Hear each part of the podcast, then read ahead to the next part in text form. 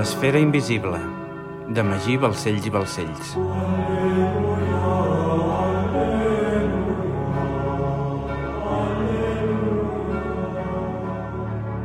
Capítol 29. Manipulació maternal. Dissabte, 10 de juny de 1307. Illes Atzurs, Oceà Atlàntic. Malgrat que era un dia clar i assolellat, la brisa marina carregava l'ambient d'humitat i a poc a poc s'anaven creant grans núvols que cada cop prenien formes més amenaçants. Arnau de Vilanova caminava perdut en la seva ment pels penya-segats de l'abrupta illa, disposat a posar fi a tot. Des de que va veure explotar els vaixells, tot havia canviat i tenia un sentiment de culpa insalvable que havia convertit la seva vida en un autèntic infern. Després d'aquell assassinat massiu enmig l'oceà, es va tancar en una estança del castell de popa completament destrossat. Plorava sense parar mentre acariciava la bresca i el pomeriggio, un dia rere l'altre, mentre el vaixell es dirigia de retorn a Europa. Se sentia enormement afligit, utilitzat i trist. Tenia un sentiment de culpa indescriptible. No podia agafar el son de cap manera i havia perdut la gana i qualsevol tipus de perspectiva vital. Cada hora que passava se sentia físicament més dèbil i completament abatut.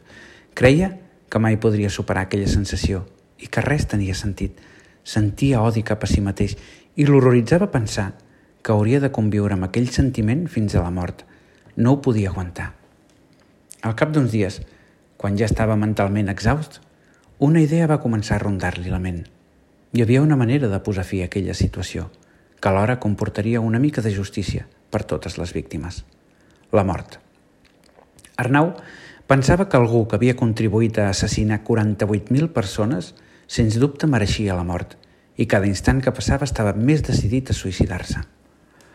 Malgrat que el suïcidi no tenia lloc en la doctrina catòlica, i Carnau sempre havia pensat que era un greu pecat comès des d'una visió extremadament egoista i covarda, sentia un buit tan gran i desolador que veia la mort com una solució eficient i una pena necessària per les seves culpes. Pensava en la seva vida, i tot i que se sentia un home privilegiat, creia que ja no tenia cap sentit seguir en aquest món. La seva vida havia estat un regal pels sentits. Havia pogut estudiar medicina, filosofia, teologia i alquímia – havia fet conferències a la Sorbona de París, havia estat metge dels reis Pere II i Jaume II, havia assessorat la família reial catalana sobre la croada, la guerra de Sicília, mesures de salut pública i fins i tot havia fet d'ambaixador entre Jaume II i Felip IV de França per negociar l'estatus d'Andorra. Però si d'alguna cosa se sentia orgullós, era dels seus escrits i d'haver conegut a la seva dona. La seva obra mèdica havia estat molt difosa i apreciada per tota la cristiandat i no hi havia cap biblioteca important que no tingués còpies dels seus escrits científics. Tot això havia estat gràcies a la seva dona Ramona, amb qui havia aconseguit el valor suficient per escriure les seves idees sense por. Però tot això quedava ja molt lluny. Ramona feia molts anys que era morta i tot el seu talent havia estat instrumentalitzat per crear la mort a milers de persones. Arnau havia perdut qualsevol tipus de visió sobre el seu futur i creia que ja no li quedava res més per fer. Cada dia que passava era un tràngol i imagina que cada dia que li quedava de vida seria igual el desesperava. Així, amb aquest sentiment irreversible i decidit a posar punt final a la seva vida, quan l'embarcació va fer parada a les illes Atzurs de retorn a Europa, Arnau va abandonar el vaixell amb la bresca i el pomeriggio i es va posar a caminar per aquella abrupta illa. La comanda estava situada al sud-est de l'illa i, venint amb el vaixell, Arnau havia vist uns pronunciats penyassegats a la part sud-oest. Així, Caminant tot resseguint la costa durant unes hores, Arnau va arribar al seu destí final. Parat en el penya-segat, el mar s'estenia als seus peus uns 70 metres per sota, altura suficient per deixar de patir a l'instant. Allà parat, va observar una petita península que sobresortia del penya-segat, formant una alta muntanya en el mar i un golf molt tancat als seus peus. Llavors, va veure un vaixell ancorat en el golf, com si estigués amagat. Va clocar els ulls i va veure un estrany penó. Sobre fons blanc, dos llops negres passant amb un corder a la boca. Arnau va pensar que era molt estrany que hi hagués un vaixell del senyoriu de Vizcaya en aquell lloc, però li era igual. Va mirar l'abisme i va sentir que tot es resoldria en uns instants. Va treure's el seu inseparable terror de safrà de la butxaca, el va obrir i va olorar intensament. Ja vinc, Ramona, va cridar en la seva ment. Però de sobte Els lladrucs de la bresca el van interrompre. El gos es va posar a córrer en direcció a uns matolls. Es va parar i va començar a moure la cua alegrement. Arnau es va acostar a poc a poc i va sentir algú que deia «Bresca? No pot ser, què... Què hi fas aquí?» «Silenci, ens podrien sentir», va dir una altra persona amagada. Arnau es va sobresaltar. Sentir algú parlant en català en aquell illa era l'últim que esperava escoltar, i menys encara algú que conegués el nom de la gossa. «És la gossa de la meva tieta», va dir una veu rere els matolls. «De la teva tieta? Com ha de ser la gossa de la teva tieta?» va dir l'altra. N'estic segura. La gossa va créixer a casa fins que la meva tieta Ramona la va prendre a Barcelona perquè li fes companyia. Quan Arnau va sentir el nom de la seva dona, va sentir una esgarrifança. Es va acostar cap a la bresca i llavors ho va entendre tot. Maria? va dir Arnau sorprès. Tiet? va contestar Maria, alçant-se impressionada. Però, què hi fas aquí? va dir Arnau sense entendre res. Mixet? va exclamar Maria, tot agafant el pomeritgio. Com és que tens el gat del pare, que no està bé? El gat del pare, va dir Arnau, tot observant bocabadat que el pomeritgio roncava alegre entre els braços de Maria. Fa molts anys que no sé res del teu pare. De sobte es va alçar Guillem i Maria li va dir «És el meu tiet Arnau, era el marit de la tieta Ramona, la germana del meu pare». «És un plaer, Arnau», va dir Guillem. «Jo sóc...» «Margelina», va dir Arnau mirant-li els ulls bicolors, com si hagués vist un fantasma. Vos sou el fill de Margelina d'Anglesola. Uh, sí? Com ho sabeu? va dir Guillem. Arnau va mirar el pomeritgio i tot pensant en fra Ramon Llull va dir és una història molt llarga. Vens de la comanda, tiet? Li va preguntar Maria. Sí, va respondre Arnau. Què hi fan els dominics aquí? Hem vist el seu blasó enarborat sobre la torre del temple de la comanda, va dir Guillem. T'has d'amagar, Maria. Tu vas ser condemnada per la Inquisició, oi que sí? va dir-li Arnau recordant el que havia explicat fra Ramon Llull. Sí, va dir Maria espantada. Els dominics han pres el control de l'oceà, va dir Arnau. Aviat arribaran templers procedents de l'oest. Estem amagats aquí esperant la seva arribada, va dir Maria. No queden templers a l'oest, va dir Arnau, amb veu tremolosa. Com que no queden templers? va dir Guillem, estranyat. La gran província de Ponent ja no existeix. Tots els templers van embarcar en una gran flota i, i van ser assassinats va dir Arnau amb pena. Assassinats? va dir Guillem. Són tots morts, va dir Arnau. Ho vaig veure amb els meus propis ulls. Com? va exclamar Maria. Heu, heu vingut amb, amb aquest vaixell basc? va preguntar Arnau. Sí, un pesquer basc ens va recollir fa unes setmanes per traslladar-nos fins aquí, a l'espera que arribés la flota templera. Un home de la comanda Atzur havia de venir a trobar-nos, però fa dues setmanes que som aquí i no ha vingut ningú. Maria, aquesta informació va inquirir Guillem per fer callar la seva estimada. No pateixis, conec el meu tiet, va dir ella. No vindrà cap home de la comat d'Atzur a trobar-vos. Els templers d'aquesta illa també han estat assassinats pels domínics, igual que els de Ponent. Deixeu-me venir amb vosaltres, va inquirir Arnau, desesperat. No podeu venir amb nosaltres, va dir Guillem. Per favor, tingueu pietat. No em podeu deixar aquí amb aquesta colla d'assassins i malalts mentals, va suplicar Arnau. Com sé que no em mentiu? va dir Guillem. Heu vist els estandards dominics que uneixen a la comanda. Ho heu dit vos mateix. I segur que també us heu fixat que no hi ha ni una sola creu patent en tota l'illa, va dir-li Arnau. Els dominics tenen l'encàrrec del papat d'acabar amb el que ells anomenen l'heretgia del temple. Van començar per la comanda de Claravalls, després per la gran província de Ponent, ara per les illes Atzurs, i imagino que després aniran a pels d'Europa. N'esteu segur d'això que dieu? va dir Guillem. Completament, va dir Arnau. Si us plau, deixeu-me venir amb vosaltres. Amb nosaltres? Impossible, va dir Guillem. Guillem, el meu tiet és metge. Ens pot ajudar amb el Suprem i també ens podrà dir si estic o no embarassada, va dir Maria. Feia dues setmanes que Guillem, Maria, el nen i el Suprem esperaven allà i no s'havia presentat ningú. Per si no fos suficient, feia uns dies que el Suprem patia unes febres molt altes que li impedien fer res, i Maria es marejava amb facilitat i vomitava quasi cada dia. Ella creia que estava embarassada, ja que havia tingut dues faltes consecutives, però sentia molt malestar i volia dissipar el dubte. Però, va respondre Guillem, deixeu-me venir i us explicaré com la vostra mare i Ramon Llull us van manipular per introduir-vos a l'ordre del temple, va dir Arnau. Com dieu? va dir Guillem sobresaltat. Margelina d'Anglesola va pagar una gran quantitat de diners als dominics perquè condemnessin a Maria, va dir Arnau. I vos com ho sabeu? li va dir Guillem, desconcertat. Deixeu-me venir amb vosaltres i us ho explicaré tot, va dir Arnau. Guillem va sentir i es van dirigir tots tres cap al vaixell basc. Semblava impossible. Feia tants anys que no es veien. Arnau recordava Maria com una nena i per res del món imaginava que aquella joveneta arribaria a convertir-se en una dona tan bonica. Arnau li mirava la mà i el front i no podia entendre com algú com Ramon Llull podia haver contribuït a una atrocitat com aquella. Quan fra Ramon li va explicar tota aquella història, Arnau ja li va semblar innoble que usessin una persona d'aquella manera. Però ara, que sabia que la víctima era la seva neboda, no ho podia creure. Quan van arribar al vaixell basc, el Suprem estava dormit, molt suat i desvariejava fruit d'una febre molt alta. Arnau el va explorar i va sortir després a cercar algunes herbes acompanyat de Maria. Després de preparar uns ungüents i unes infusions per al Suprem, al cap d'unes hores, va començar a baixar-li la temperatura i en només dos dies es va recuperar. Per altre cantó, examinant els orins de Maria, Arnau va concloure que, efectivament, estava embarassada. Aquella mateixa nit, un cop Arnau va explicar al Suprem tot el corregut a la gran província de Ponent, conscients del perill que suposava continuar en una illa dominada pels dominics i de la impossibilitat de mantenir contacte amb el gran mestre, van decidir abandonar l'illa en la calma de la nit. Seguint el seu camí, tenien la intenció d'anar a la península ibèrica i, un cop allà, enviar una missiva encriptada a Jacques de Molay per fer una reunió secreta en un lloc segur, explicar-li el que estava passant a l'Atlàntida i rebre les instruccions precises per seguir amb la seva missió. Aprofitant que era lluna nova i la foscor era quasi absoluta, van partir en direcció al nord amb la mar en calma i entrada a la negra nit.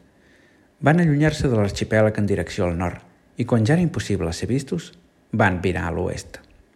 Quan el petit Guillem ja dormia plàcidament, Guillem i Maria, completament encuriosits amb aquella història de Margelina i Ramon Llull, van preguntar a Arnau. Tiet, ens explicaràs tota la història de Margelina? Ha estat tot gràcies al gat que ho he sabut, va dir Arnau. Com? va dir Maria sense entendre res. Aquest gat, aquí on el veieu, havia dormit centenars de vegades sobre la falda del papa, va dir Arnau a Maria. Ramon Llull el va agafar de la casa del teu pare després de la teva condemna. És un gat amb molta història. Llull va veure el gat i, coneixedor que a Bonifaci VIII li encantaven els felins, el va portar fins a Roma i li va regalar. Va viure a Roma durant anys, fins que Bonifaci va patir una emboscada a Nanyi a mans del rei de França. Aquell dia, jo era Nanyi, i quan els Colonna i els Orsinis van emportar a Bonifaci, el papa em va demanar que jo me'n fes càrrec. El vaig prendre a casa i, per sorpresa meva, quan es va trobar amb la bresca, es van revolcar alegres pel terra. Jo no coneixia la procedència del gat. L'últim cop que vaig ser a casa del teu pare fa més de 10 anys i no vaig entendre com podia ser que no es barallessin. Quan et vaig trobar rere aquells matolls, ho vaig entendre tot. Van créixer junts a les piles, a casa del pare, va dir Maria. I què té a veure aquesta casualitat amb la meva mare i Ramon Llull? va dir Guillem. No és una casualitat, Guillem, el va advertir el Suprem. Tot succeeix d'acord a la llei. Totes les criatures de Déu tenen un objectiu, i el d'aquest gat està clar que era el de missatger. No sé si ho sabeu, però jo sempre he tingut bona amistat amb fra Ramon Llull, explicava Arnau. Un dia, fra Ramon va venir a casa meva i va veure el gat. Jo li vaig dir que Bonifaci me l'havia donat, i llavors, tot recordant per què fra Ramon li havia regalat a Bonifaci anys enrere, em va explicar la procedència del gat. És curiós. Que petit és el món. Jo i Ramon havíem parlat dels misteris de la vida i l'univers durant anys, però mai havíem parlat de les nostres famílies. Si fra Ramon hagués sabut que la meva dona era de les piles, mai m'hauria explicat res, segur.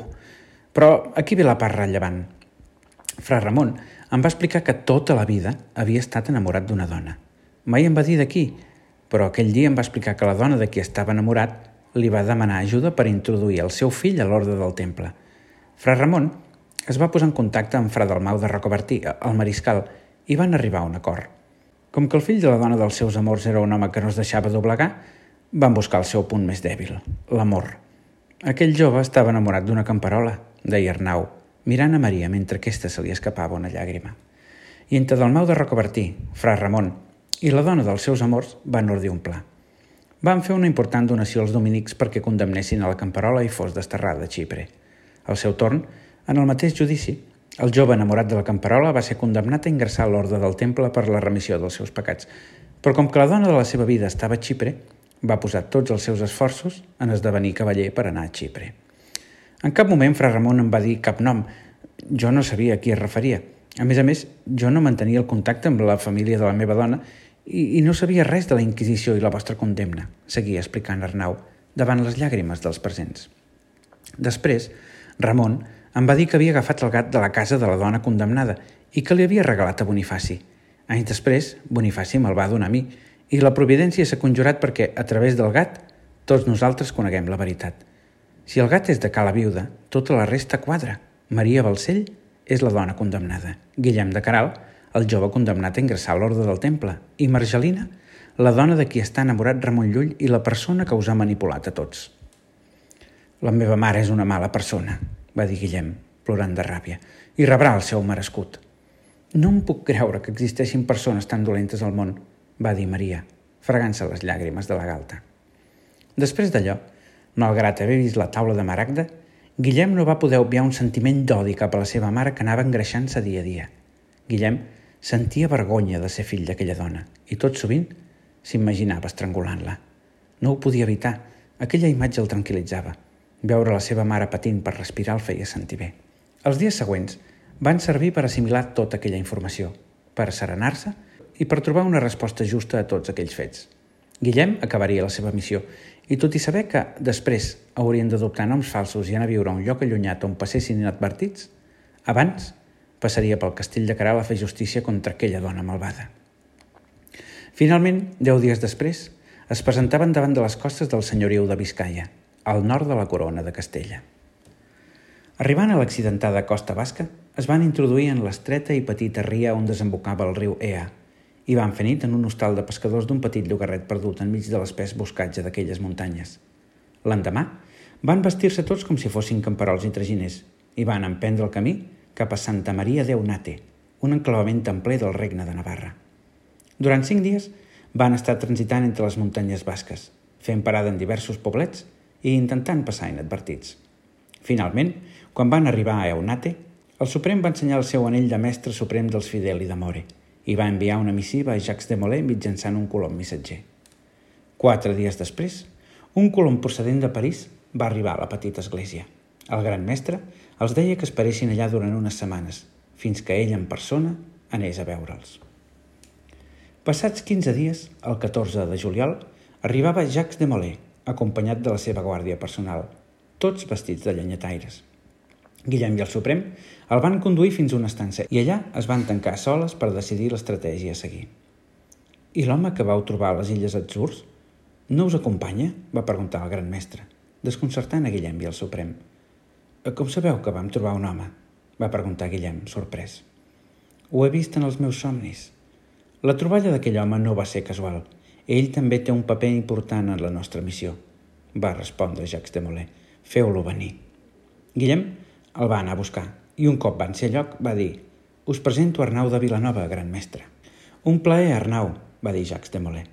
«Si no m'equivoco, vos teniu profuns coneixements que seran molt útils per amagar el tresor del temple». «Jo?» va dir Arnau. «Sí?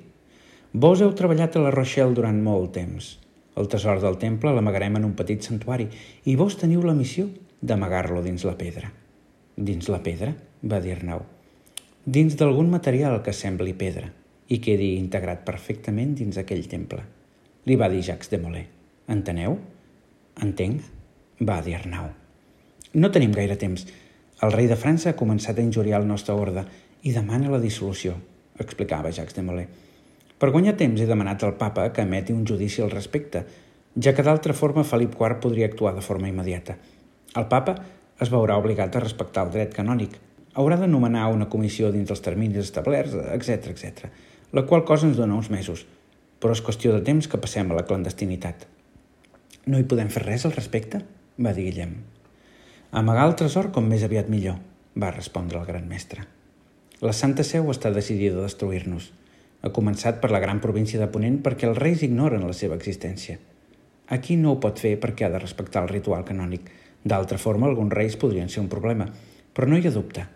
Més tard, o més aviat, faran el pas. Fa dies que somieu que l'exèrcit francès em deté. El pròxim cop que em trobi de cara amb Felip IV, quan l'aigua beneïda mulli el rígid rostre d'una dona morta, l'exèrcit m'arrestarà. I quant temps tenim? Va preguntar el Suprem. No ho sé. El somni no em diu res del temps. Només em veig a mi emmanillat i patint grans torments, explicava el gran mestre. Amagueu-vos, que no us pugui trobar ningú, va dir Arnau. Qui s'ha d'amagar és el tresor, i no jo. Aquests són els designis divins. Jo m'hauré de sacrificar per l'ordre i tenir-ho tot preparat per desviar l'atenció mentre vosaltres amagueu el tresor, va sentenciar el gran mestre. No patiu, guanyarem. Costarà vides i segles, però al final ho aconseguirem. Ho he vist en els meus somnis. He somiat la taula de maragda hàbilment amagada, integrada dins una vella escultura mortuòria durant segles, i també he somiat la construcció d'una majestuosa església – l'última catedral d'Europa, el major temple que s'hagi erigit mai sobre els homes, un temple que governarà sobre totes les catedrals per complir amb el seu autèntic objectiu, sanar la humanitat amb la felicitat, la qual cosa significa que al final vencerem. No vau tenir cap somni sobre la destrucció de la gran província de Ponent? li va preguntar el Suprem. Les idees poderoses tenen vida pròpia i busquen materialitzar-se a tota costa. La mort de 48.000 persones no és una idea poderosa i per tant no la podia anticipar. I la vostra detenció sí? va preguntar el Suprem. Somiar amb la meva detenció significa que és un sacrifici necessari per la salvació del tresor, va contestar el gran mestre. Després d'un incòmode silenci, Jacques de Molay va prosseguir. Us he portat diversos documents que us donen una identitat diferent per passar desapercebuts, i també documents de propietat sobre els llocs on us haureu de dirigir a viure després de complir la vostra missió – així que marxi un altre cop cap a França, vosaltres us dirigireu a un hostal de Puente la Reina i esperareu instruccions meves. Quan estigui segur que els camins fins a Santa Coloma són segurs, enviaré un colom a Unate i marxareu immediatament cap al vostre destí, va dir Jacques de Molay. Com digueu, gran mestre, va respondre Guillem. A partir d'ara, et diràs Guilielmus de Monte Superbo, va dir el gran mestre Guillem, tot donant-li uns papers. D'on l'heu tret, aquest nom? li va preguntar Guillem. És el teu nom italianitzat, va respondre Jacques de Molay. Guillem és Guilielmus, i com que sempre m'has dit que canal significa Quer alt, és a dir, roca alta, l'hem traduït com a Monte Superbo. A partir d'ara sou un camperol lliure de la Toscana. Molt bé, va dir Guillem. La vostra estimada Maria es dirà Geraldona Talavera, ciutadana de Tortosa casada amb vos, va dir a Guillem. Perfecte, va respondre Guillem. I vos? va dir el gran mestre Arnau. A partir d'avui us direu Josep Prous i Briançó, natural de Reus. I jo, gran mestre? va preguntar el Suprem.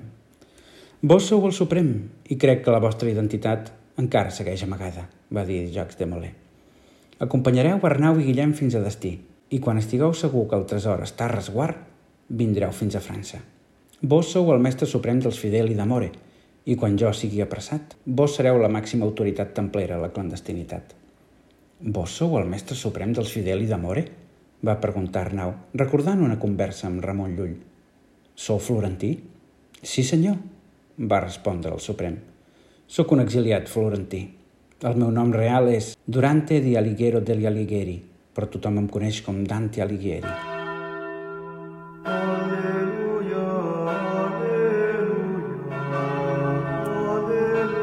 L'esfera invisible, de Magí Balcells i Balcells. Aleluia, aleluia.